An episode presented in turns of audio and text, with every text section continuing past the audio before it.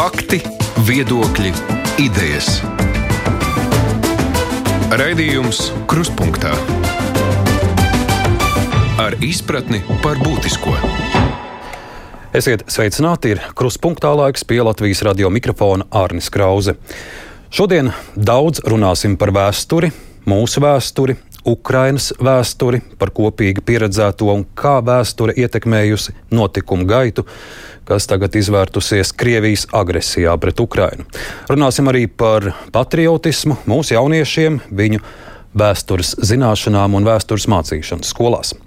Uz sarunu šodien esam aicinājuši Valdi Klišānu, vēsturnieku, pedagogu ar vairāk nekā 30 gadu pieredzi. Valdis Klišāns ir mācību grāmatu un metodisko materiālu autors. Viņa darbs vēsture vidusskolē kalpo par galveno vēstures apgūves avotu vidusskolāniem visā Latvijā. Un mūsu šodienas viesis nesen sarakstījis Ukrainas vēstures grāmatu, kas ļauj mums labāk izprast Ukraiņu cīņas deksmi un neatlaidību stājoties pretī agresoram ar krietni lielāku pārspēku. Es saku labdien, Valdim Klišānam sveicināti! Labdien. Valdi, sāksim ar uh, jauniešiem un sāksim ar patriotismu. Pēdējās nedēļās, uh, sākoties diskusijām par rosināto valsts aizsardzības dienestu, nu arī mums šeit uz brīvo mikrofonu ir bijuši ļaudis, kas zvana un uh, saka, ka mūsu jauniešiem nekas neinteresē, viņi nav patriotiski. Mūsu jaunieši, es te citēšu, bija zvans dzer, pīpē, lieto narkotikas, vārguļi. Nekas viņus neinteresē. Jums ir pieredze, jūs ikdienā tiekaties ar daudziem jauniešiem. Kā jūs viņus raksturotu? Es vienmēr saku, ka tagadējā paudze ir krietni labāka nekā tie jaunieši, kas bija jaunieši varbūt 20 un 30 gadus atpakaļ. Es esmu ļoti optimistisks. Protams, jaunieši, kā jebkura vecuma grupa vai kā jebkura profesija, ir ļoti atšķirīgi. Runāt par viņiem kā par vienu veselumu nevar. Bet no kontaktiem, kas ir stundās, un es strādāju Rīgas teiks vidusskolā, ar gana lielu vidusskolēnu skaitu, es teiktu, ka vairums no viņiem ir patriotiski. Mm, Jūs teicāt, ka viņi dzer un pīpē. Es teiktu, ka man šķiet, ka tā vairāk ir citu pauģu problēma. Lai gan nu, droši vien kāds arī dzer un pīpē. Par to es nevaru būt pilnīgi drošs, bet vairums to nedara. Ļoti lielā cieņā ir sports. Un tāpēc arī arguments par vārgumu arī būtu nevietā. Bet mm, es teiktu tā, ka tas, kas varbūt būtu nepieciešams šobrīd, kaut kādas izdzīvošanas, eh, skautu prasmes, eh, ko darīt situācijā, kad ir ārkārtas stāvoklis, kad nav elektrības, eh, kā iegūt uguni, kā mežā salasīt malku. Šīs prasmes gan būtu nepieciešamas šobrīd, un, un, jo redzēt, šī ir paudze, kuras vecāki Tātad šeit tagad jau jauniešu vecāki vairums ir eh, teiksim, tā skolu beiguši 2000. sākumā. Un eh, tā, tā komfortablā dzīve, eh, nevis laivu brauciens vai pārgājiens, bet laba viesnīca, četru zvaigžņu, piecu zvaigžņu kaut kur Kanārijas salās vai Maldivās ir bijusi lielākā vērtē nekā varbūt tā saikne ar dabu. Un, un, tā kā es vēlreiz uzsvertu, ka es būtu par to, ka ir nepieciešamas jauniešiem mācību saturā šobrīd tieši šīs, tas, šīs lietas, ko, ko mēs varētu teikt, kā, kā uh, skautu, uh, skautu zināšanas un prasmes. Un jūsu vērtējums par uh, rosinājumu izveidot valsts aizsardzības dienestu, jau obligāto dienestu, nu jūs 1. septembrī savus jauniešus satiksiet, tad jūs varēsiet izzināt, kāda ir viņu attieksme. Viņus tas varētu skart. Ko jūs pats par to sakat un kā jaunieši šādi dienesti varētu reaģēt? Šis ir ļoti interesants jautājums. Ja jūs šo jautājumu man būtu uzdevis pirms gada, Tieši šai laikā es noteikti būtu kategoriski pret, jo pirms gada tas, kas notiek šobrīd, šķita kaut kas pilnīgi nereāls. Starp citu, es tieši šobrīd lasu grāmatu, ko sarakstījis ebreju vēsturnieks Harāri, Homo Deus, par tādu, mm, ja tā varētu teikt, nesenās vēstures un šodienas interpolāciju tuvējā nākotnē, tad tur Eh, ir vārdi, ka mūsdienās karš ir neiedomājams. Mūsdienās karš nav iespējams. To šis profesors rakstīja pirms vairākiem gadiem. Izrādās, ka šis karš ir iespējams, un tāpēc šogad es teiktu, ka jā, bet ļoti svarīgs ir jautājums arī par to, kāds, arī jā, starp citu, jau labu laiku ir runa par aizsardzības mācību skolās, kas, ja nemaldos, šobrīd ir brīvprātība.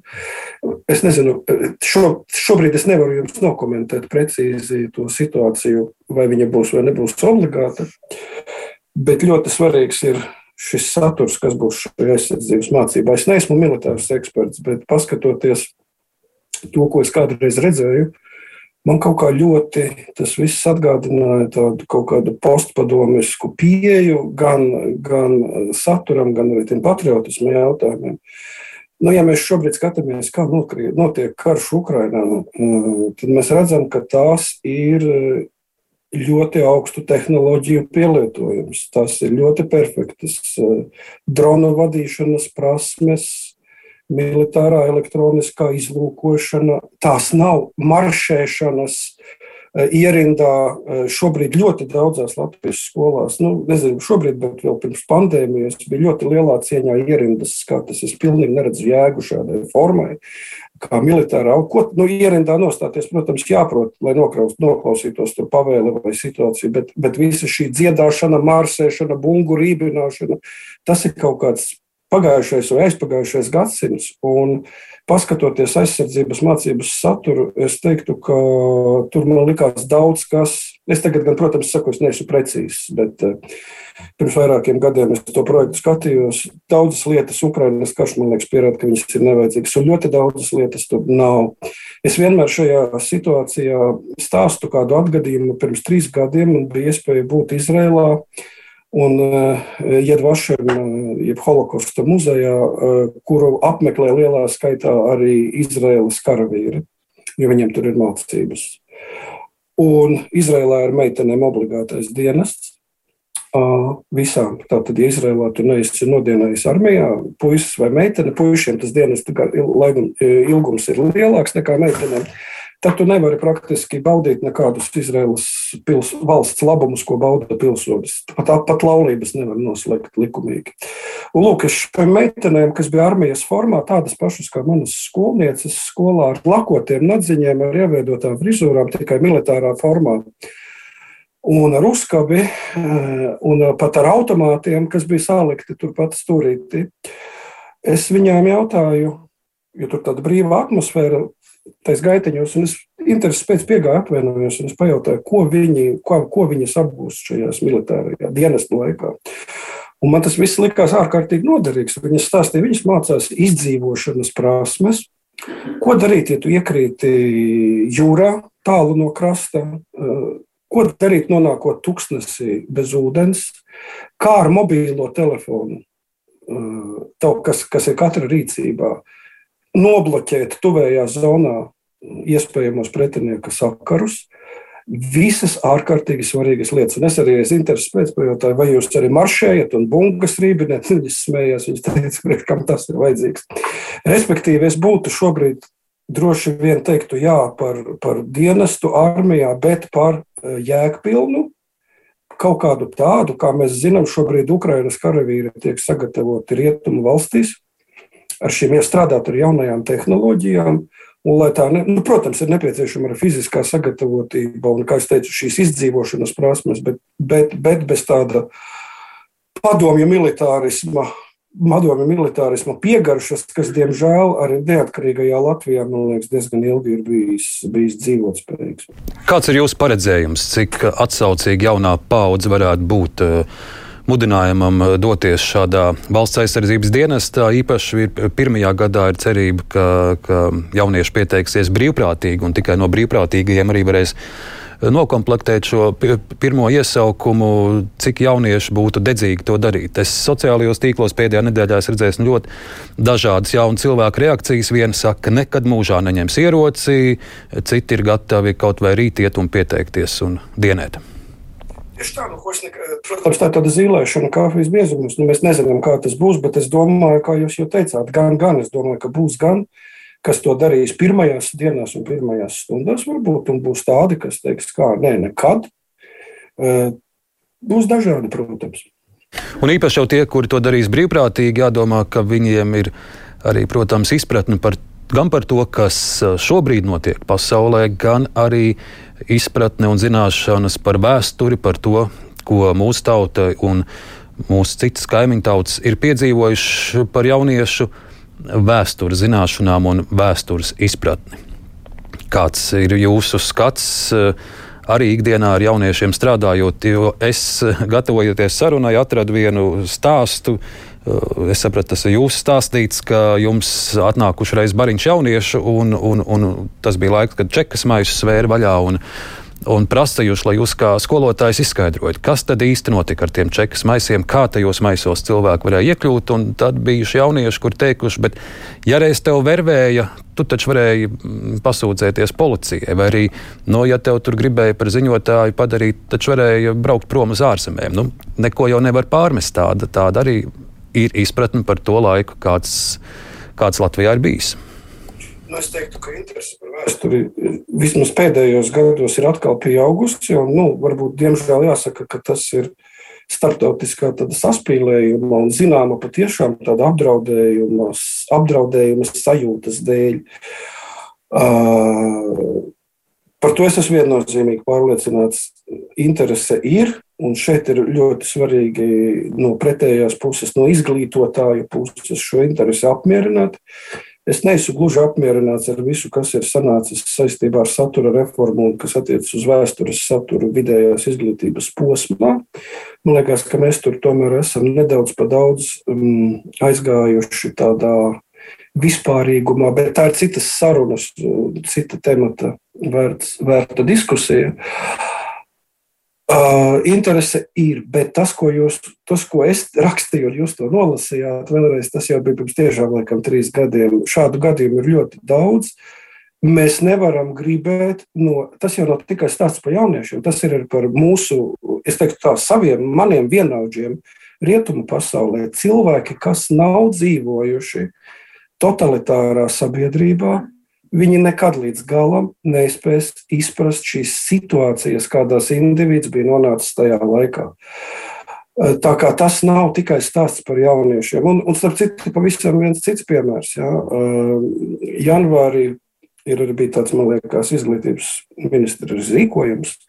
Janvārī par godu barikāžu dienām tiek iedegts ugunskurs. Un tad es diezgan labi redzu šīs, šīs situācijas, kad nāk mani kolēģi, kas Eh, atcerās, kas ir piedalījušies barikāžu laiku notikumos, un kuriem šis ugunskurs patiešām izsauc uh, atmiņas, kā toreiz bija 91. gada janvārī, kur kas notika. Bet jums jāsaprot, ka jaunieši ir dzimuši 10, 11 gadus vēlāk pēc šī notikuma, un viņiem tas būs, lai kā mēs gribētu.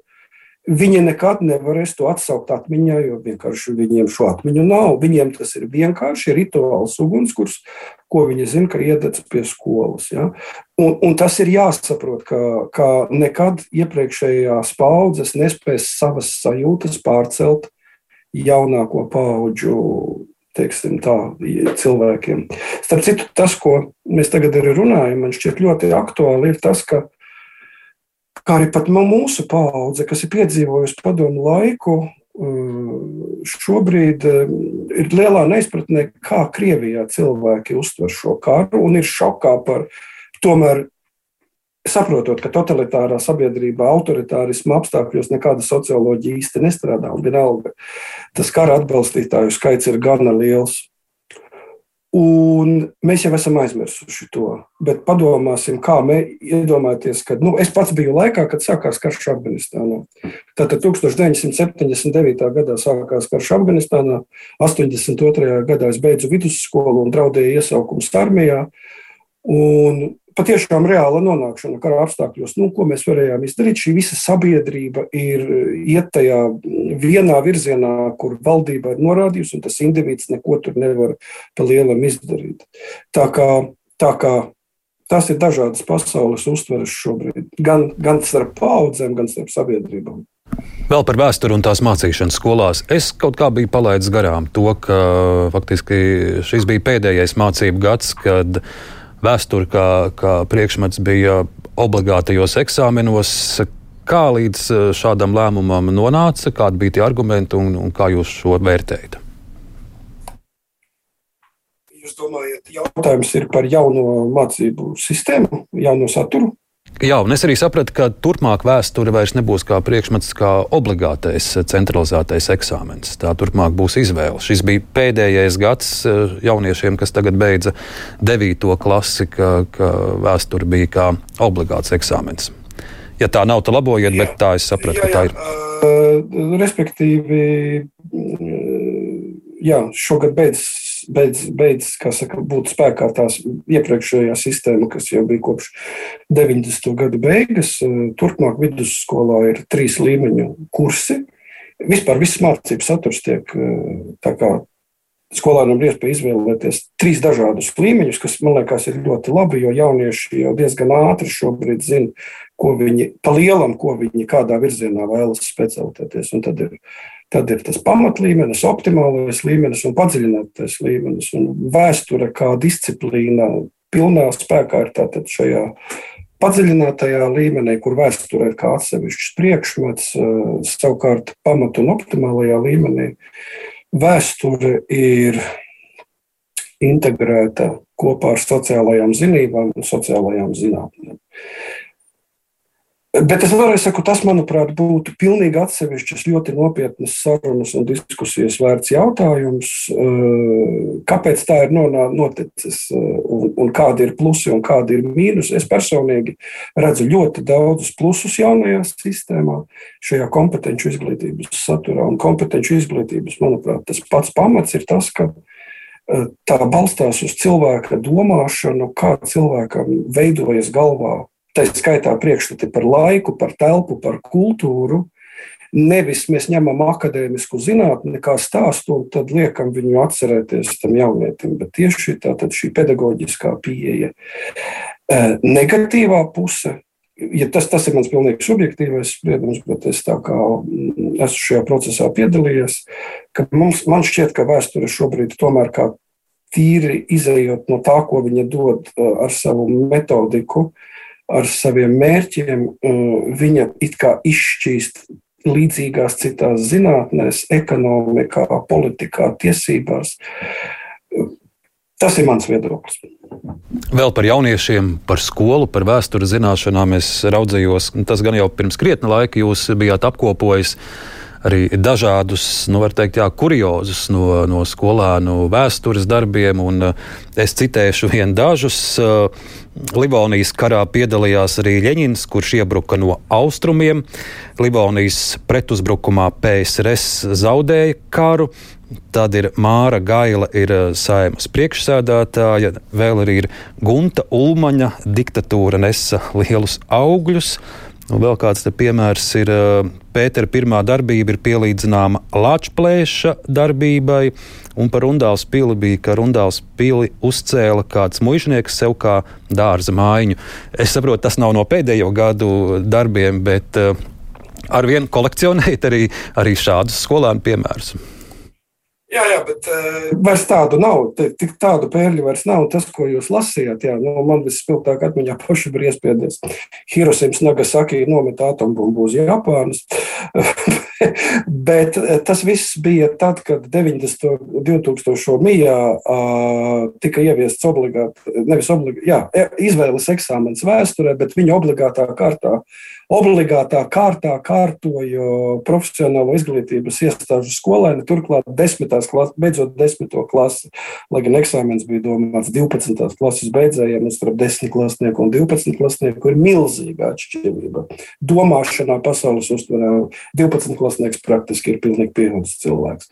Un šīs, šie kuriozi radās pārsvarā šiem desmit klasniekiem izglītības sistēmas nesakārtotības dēļ, pildot uzdevumus, uh, kas īsti viņu vecumam neatbildam. Tad nu, radās šīs pērles, paldies Dievam. Šī nu, problēma tagad ir novērsta. Bet, bet uh, jā, šobrīd šādu pērļu ir, ir, ir gana maz, es teiktu. Sarunas turpinājumā es vēlos arī jūs iztaujāt par jūsu nesen uzrakstīto darbu. Tā ir grāmata par Ukraiņas vēsturi un uh, salīdzinoši ātrā laikā jums tā tapa, kā, kā radās ideja. Un, protams, ļoti aktuālā laikā šī grāmata ir iznākusi. Ideja radās uh, apgādes zvaigznē ABC kolektīvā. Vienkārši, kad mēs, nu, tā kā es esmu pēc izglītības vēsturnieks un arī apgādās zvaigznē, es strādāju par vēstures projektu vadītāju, tad sarunās ar kolēģiem. Es mēģināju dažus jautājumus skaidrot, uh, tīri no vēsturiskām pozīcijām, un tad apgāda vadītāja Vieka Ilgloka teica, šito vajag taisīt vienā grāmatā augšā. Un tā kā es, man šīs priekšzināšanas īpaši, kas attiecas uz viduslaiku un jauno laiku posmu, bija eh, jau agrāk, jo es universitātē, kad savā laikā strādāju Latvijas Universitātes vēstures fakultātē, mm, man bija iespēja lasīt Austrum Eiropas vēsturisku, Austrum Eiropas viduslaiku vēstures kursu, Un, protams, ka Austrumēropas viduslaika vēsturē ietilpst arī šis reģions, ko mēs saucam par Krievzemi vai Kievas Krievzemi, kas ir Ukrainas teritorija. Un eh, tad, nu, lasot caur internetu, caur tūkotāju, cik nu iespējams literatūru, es mēģināju tādu īsu konspektīvu. Tas ir īsts konspektīvs stāsts. Īsts konspektīvs stāsts, un tāpēc arī saucās Ievads Ukrainas vēsturē. Uh, kas patiesībā dod tādu pamatu schēmu, pamatu faktus, eh, lai, lai, lai, lai lasītājs, teiksim, nu, lai viņš redzētu šīs atšķirības, ar ko rietumu Ukraina atšķiras no austrumu Ukrainas, ar ko ziemeļi atšķiras no dienvidiem, kādas dažādas kultūras un pat civilizācijas ir bijušas Ukrainas teritorijā. Un, protams, tad tāda odziņa, Es domāju, kāpēc to visu nesalīdzināt arī, cik vēsturē vispār kas ir salīdzināms, kāpēc to nesalīdzināt arī ar Latviju. Kur ir šīs vēsturiskās paralēles? Un, un, un mums šo paralēļu, paralēļu ir ārkārtīgi daudz, jau sākot ar viduslaikiem. Ja, ja mēs sakam, Daugava ir Latvijas likteņupe, tad šī likteņupe ekonomiski, tirdzniecīski, kultūrāli mūs saista ar tiem apgabaliem, kas šobrīd ir Ukrainā. Ja. Caur ņepru, jā. Ja. Tieši tā, mhm. tieši tā. Nu, to, ko saka, un, grāmatas, un esam... to, ko saka grāmatas lasītāji, ka, ka jums ir izdevies uh, Ukrainas gadsimtu garo vēsturi izstāstīt uh, skaidrā un, un vienkāršā valodā. Un es vēlos arī dažus akcentus mūsu šīs dienas sarunā pieminēt. Mēs, protams, nevaram pārstāstīt ne visu grāmatu, ne, ne arī Ukraiņas vēsturi, bet, bet par dažiem punktiem es vēlētos jūs detalizētāk iztaujāt. Nu, sāksim ar to, par to, kā ir. Uh, Ukraiņas vārds vispār ienācis apritē un uh, kā tas kļūst par uh, nācijas identitātes pamatu. Es saprotu, tas ir 19. gadsimts. Es atvainojos, man ir neliels pārāvums sakaros bijis. Es atrodos laukos un uh, Vai jūs varētu atkārtot? Jā, tagad mēs jūs dzirdam labi. Es ievadās vaicāju jums par to, kā ir tapis vārds Ukraina. Sāksim ar tādu pamatlietu un par to, kā, kā veidojās Ukrainas nācijas identitāte 19. gadsimtā.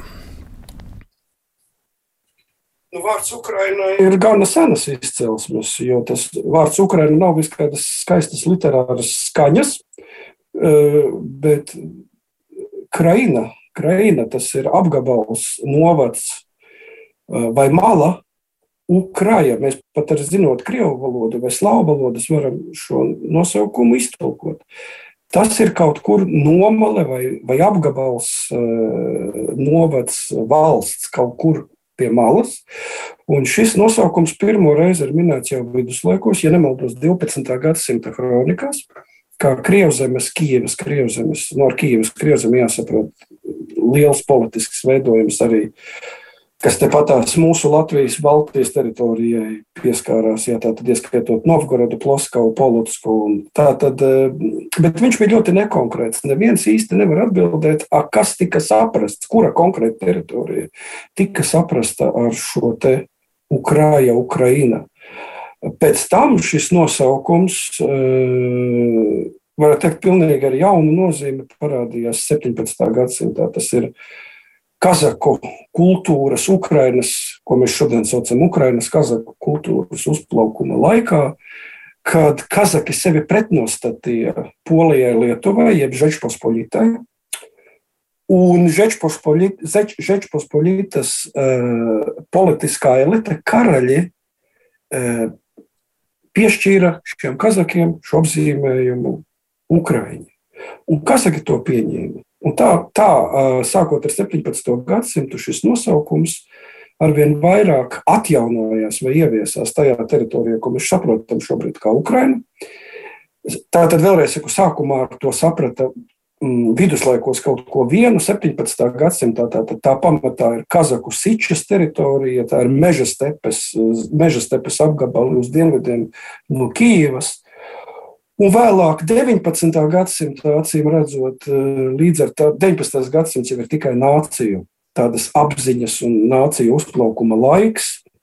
Eh, tad 19. gadsimtā līdz ar, es teiktu, ar Ukraiņu nacionālo atmodu, kas notika nedaudz agrāk kā Latviešu nacionālo atmodu, eh, šo, šo apzīmējumu pieņēma lielākā daļa cilvēku, kas līdz tam sevi identificēja kā rusīnus vai rutēņus. Tas ir nāk no šiem senkrievu nosaukums. Tad viņi sāk sevi apzināties arī zemnieki, kā ukrāņi. Starp citu, ne visi, un tas ir ārkārtīgi interesants jautājums. Daļa šo iedzīvotāju, Ukrainas pamatiedzīvotāju, turpināja saglabāt šo iepriekšējo identitāti, kas ir rusīni Un starp Rusīnu un Ukraiņu tādām identitātēm pat veidojās diezgan liels konflikts. Sevišķi tas bija Karpatu reģionā un aizkarpatu reģionā, jo Rusīnus uh, savu politisku mērķu labad centās izmantot Krievijas impēriju. Tas bija rīks, kā vainot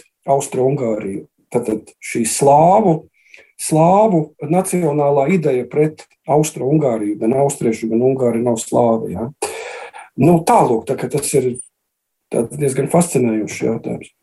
Par, par šo slāvu lietu tā, to piesauc arī, protams, šobrīd ļoti aktīvi Krievijas propaganda, skaidrojot, ka mēs karojam Ukrainā par slāviem, par pareizticīgajiem, bet uh, arī Ukrāņi jau ir slāvi, arī Ukrāņi ir tie paši pareizticīgie taču.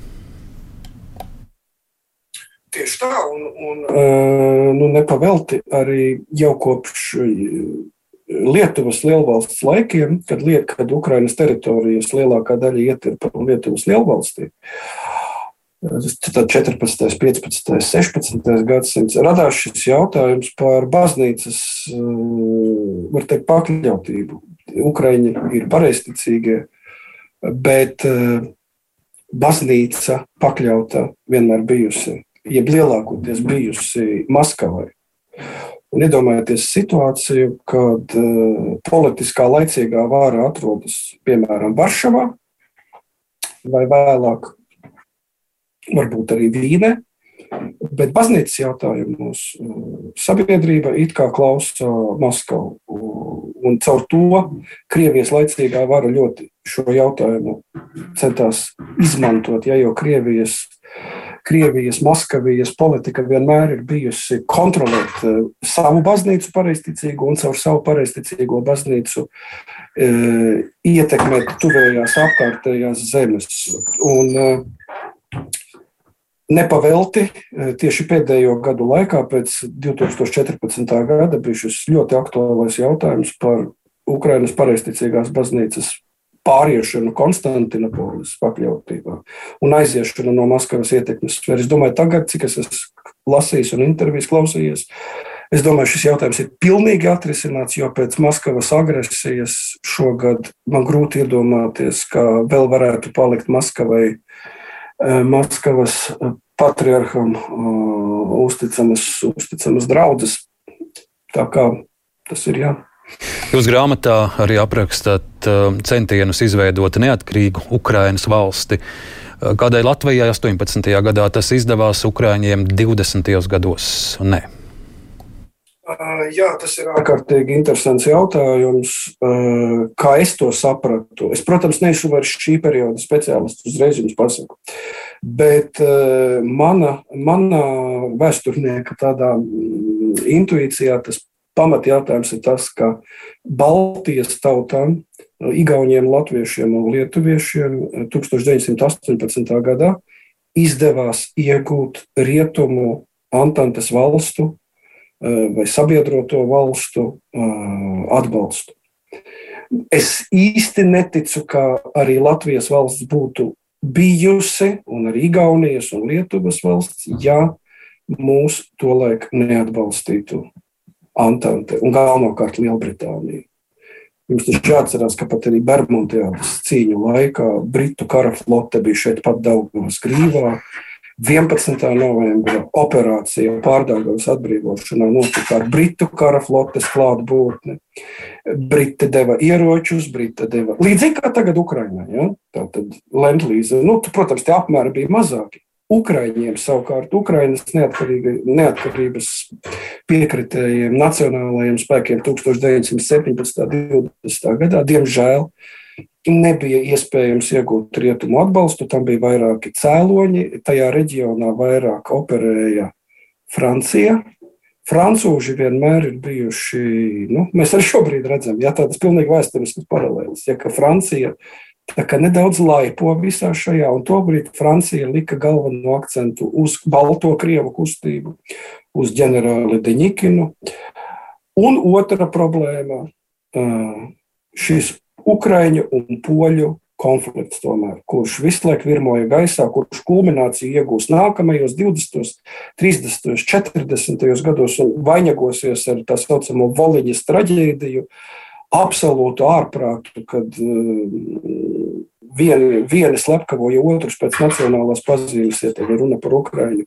Nu, lūk, un tā tad 17, 8, pārsvarā 18, 19, 20 gadā arī Antantes valsts saprata, ka viņu, viņa nevarēs noturēt šos divus ļoti konfliktējošos spēkus, ukrāņus un poļus, kaut kādā balansā. Viņi izvēlējās likt to savu pamatkārti. Trumpi uz poļiem, kā uz, pie, uz valstiskuma, ar valstiskuma pieredzi bagātāku nāciju. Un, diemžēl Ukraiņi tajā situācijā bija zaudētāji. Viņiem nācās cīnīties pret visiem, pret poļiem, pret krievu baltgvardiem, pret anarchistiem, pret sarkano armiju. Un Un tas beidzās ar pirmais Ukraiņas valsts izveidošanās mēģinājums, beidzās ar neveiksmi. Jūs grāmatā aprakstat, protams, arī dažādus vēsturiskus personāžus. Es pieminēšu vienu Stepanu Banderu. Vieniem viņš ir uh, nacionālais varonis, citi viņu sauc par teroristu. Arī jūs pats esat teicis, ka Bandera jums nekad nebūs varonis kaut vai tādēļ, ka viņš personīgi esot piedalījies Polijas amatpersonu nogalināšanā. Kā jūs vērtējat šo personību? Nu, es neesmu liels Banderas biogrāfijas zinātājs, bet uh, tik cik es tā, es teikšu godīgi klausītājiem, virspusē lasot par Banderu, es patiešām, nu, es redzu, es viņu es viņā saskatu fanātiķi. Tikai viena epizode, ko es esmu lasījis, eh, tagad domājot, gatavojot Ukraiņas grāmatu, Um, Bandera nāk no, tā, no rietumu Ukrainas, no tās teritorijas, kas atradās uh, Polijas kontrolē 20. un 30. gados, kur notika ļoti spēcīga polo, uh, ukraiņu polonizācija, pat vardarbīga. Uh, te bija polijas mēģinājumi mm, izskaust visu ukrainisko, kas, protams, atdūrās pret ļoti spēcīgu ukraiņu pretestību, kas izvērtās teroristiskās metodēs. Un Bandera, protams, bija viens no šiem vadītājiem, bet es lasīju šo, šo epizodi, kad viņš pat bērnībā, vai nu, 11 gados, ja viņam ir sāpējis zobs, viņš nav gājis pie zobārsta, bet lai viņš jau sevi no mazām dienām radinātu pie kaut kādām sāpēm, pie ekstrēmām situācijām, viņš ir gājis vienkārši pie tuvējā kalēja, lai tas ar kalēja stangām viņam šo zobu izlauž laukā. Visā pārējā viņš ir, viņš ir teroristiski teiksim, tā viņa darbība bija saistīta ar teroristiskām metodēm. Šie atentāti, gan mēģinājumi, gan reāli notikuši atentāti, atentāti pret polijas amatpersonām, polijas valsts amatpersonām. Lai gan otrā pasaulē, es teiktu, tā, tas, ko Krievijas propaganda šobrīd izvērš pret Banderu, tas ir arī ārkārtīgi netaisnīgi un, un melīgi. Jo tā nu ir sanācis, ka Bandera otrā pasaules kara gados īsti jau neko pret pat, ja, ja šobrīd Krievija sevi identificē ar to padomu mantojumu, ar visu padomisko un ar sarkanu armiju. Bandera jau neko nepaspēja. Varbūt viņš būtu izdarījis, jā, bet, bet viņš jau sēdēja Vācijas koncentrācijas nometnē. Tātad Banderas, tā, Banderas politika bija karš pret abajām, abām totalitārajām varām, pret Staļinu un pret Hitleru, un viņš bija vienlīdz bīstams abiem. Un, kā mēs redzam, nacisti viņu ieslodzīja koncentrācijas nometnē, un pirms tam viņš sēdēja poļu cietumā, viņam bija pat piespiedas nāves sots, pateicoties tam, ka nacisti sagrāva Poliju 39. gadā Bandera tika brīvībā. Un pēc tam vācieši viņu iesēdināja jau kara laikā atkal cietumā. Tā kā uh, tas, ko visi šie šausmu stāsti par banderoviešiem, tie ir tādi mīti, es teiktu, Nu, līdzīgi kā kādreiz bija par latviešiem, kā par latviešu sniperiem, ja jūs atceraties Čečenijas kara laikā, ja baltās zeķes baltās bija kaut kādas Latvijas. Jā, jā, visi, tas, tas tie ir absolūti mīti. Bet vēl klišānkungs, mums ir pāris minūtes, un es vēlos dzirdēt arī jūsu pārdomas par Ukrainu šodien. Jūs esat teicis, ka 14. gadā jūs bijāt daudz lielāks pesimists par Ukrainas nākotni nekā šodien. Jā, man, eh, es teikšu godīgi, tad, kad eh, vēl pirms Maidana notikumiem 14. Eh, gadā, praktiski Maidans jau sākās 13.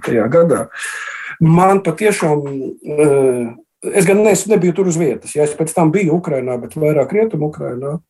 Bet no tām ziņām, no tās visas informācijas, ko es gūstu, un redzot tos skatus Kijevā, kad simti tūkstoši bija ar oranžiem karogiem, un turpat blakus simti tūkstoši ar zilajiem karogiem, austrumu Ukrainas karogiem, kas bija par prokrievisku nosacītu, propadomisku vai postpadomisku attīstību. Man šķita, ka Ukraina nekad turpmāk vairs nevarēs pastāvēt kā vienota valsts. Un man šķita, ka tā robeža šķirtne būs Dņepras upe, Uz rietumiem no Dņepras būs Rietumnieciska Ukrainas republika, uz austrumiem no Dņepras, nu nezinu, nu, kaut kas līdzīgs mūsdienu Baltkrievijai vai Doņetskas tiem apgabaliem. Uh, Šobrīd tā situācija, šie pēdējie astoņi gadi, fundamentāli izmainīja situāciju, un es domāju, ka pie tā ir vainīgs pats Putins lielā mērā un Krievijas politika. Jo, ja mēs redzam, ka tiek bombardētas pilnīgi krievalodīgas pilsētas, ka tiek bojā masveidā uh, nosacīti civiliedzīvotāji, kas varbūt līdz 14 gadam sevi vairāk pat identificēja kaut kādā mērā ar Krieviju nekā ar Ukrajinu. Tad mēs redzam, ka tā situācija ir pilnīgi izmainījusies. Un, kā man ir teikuši pazīstami cilvēki, kas tagad ir tieši pēdējā laikā ir bijuši Ukrajinā, pat, pat notiek šī atkārtotā ukra, brīvprātīga ukrainiskošanās vai ukrainizācija pirmo ukrainizāciju Ukraina piedzīvoja 20. gados, pēc tam 90. un tagad ir trešais ukrainizācijas vilnis, kas ir, protams, pret konsolidēšanās pret šo briesmīgo agresiju. Un Klišankungs, mums vēl ir minūte, un tās laikā es vēlos dzirdēt jūsu pārdomas par okupācijas pieminekli Pārdaugavā. Nu, skaidrs, ka lēmums jau ir pieņemts, bet jūs teicat, ka jums ir bažas, ka arī pēc nojaukšanas šī vieta varētu palikt tāda kā svētvieta tiem 20, aptuveni 25% Latvijas iedzīvotāju, kuriem ir cita vērtības sistēma un kuriem ir skats uz austrumiem. Jā, es savu viedokli neesmu mainījis. Tātad, ja sabiedrības vairums uzskata, un mums ir demokrātiskā valsts, ka piemineklis ir jānojauc, tad sabiedrības vairumam gribai ir, tiek izpildītai. Bet es gribu teikt, ka problēma jau nav piemineklis, problēma ir cilvēki.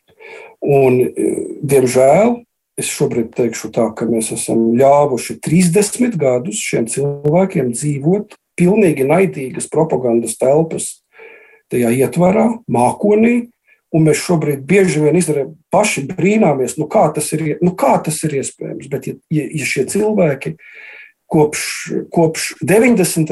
gadiem, no rīta līdz vakaram, dzīvoja, pateicoties mūsu visiem brīnišķīgajiem kabeļu televīzijas operatoriem, visos šajos Solovjeva un, un, un, un, un, un, un Skabējeva šovos cilvēki bez pietiekamas kritiskas domāšanas. Tad nu, mēs pēkšņi esam pamodušies, kā tas ir iespējams. Nu, tā tas ir iespējams. Starp citu, es pirms vairākiem gadiem biju Ukrajinā. Es tur neredzēju nevienu šo Krievijas televīzijas šovu, un, un, un neviena, neviens pasaulē neteica, ka Ukraina pārkāpj cilvēku tiesības uz informāciju. Nu, piedodiet, tā informācija ir propaganda, nevis informācija. Tā vēsturnieks un pedagogs Valdis Klišāns. Klišāns kungs, es jums saku lielu paldies par mūsu šīs dienas sarunu, par dažādiem vēstures faktiem un vērtējumiem, kuri šodien izskanēja. Paldies jums!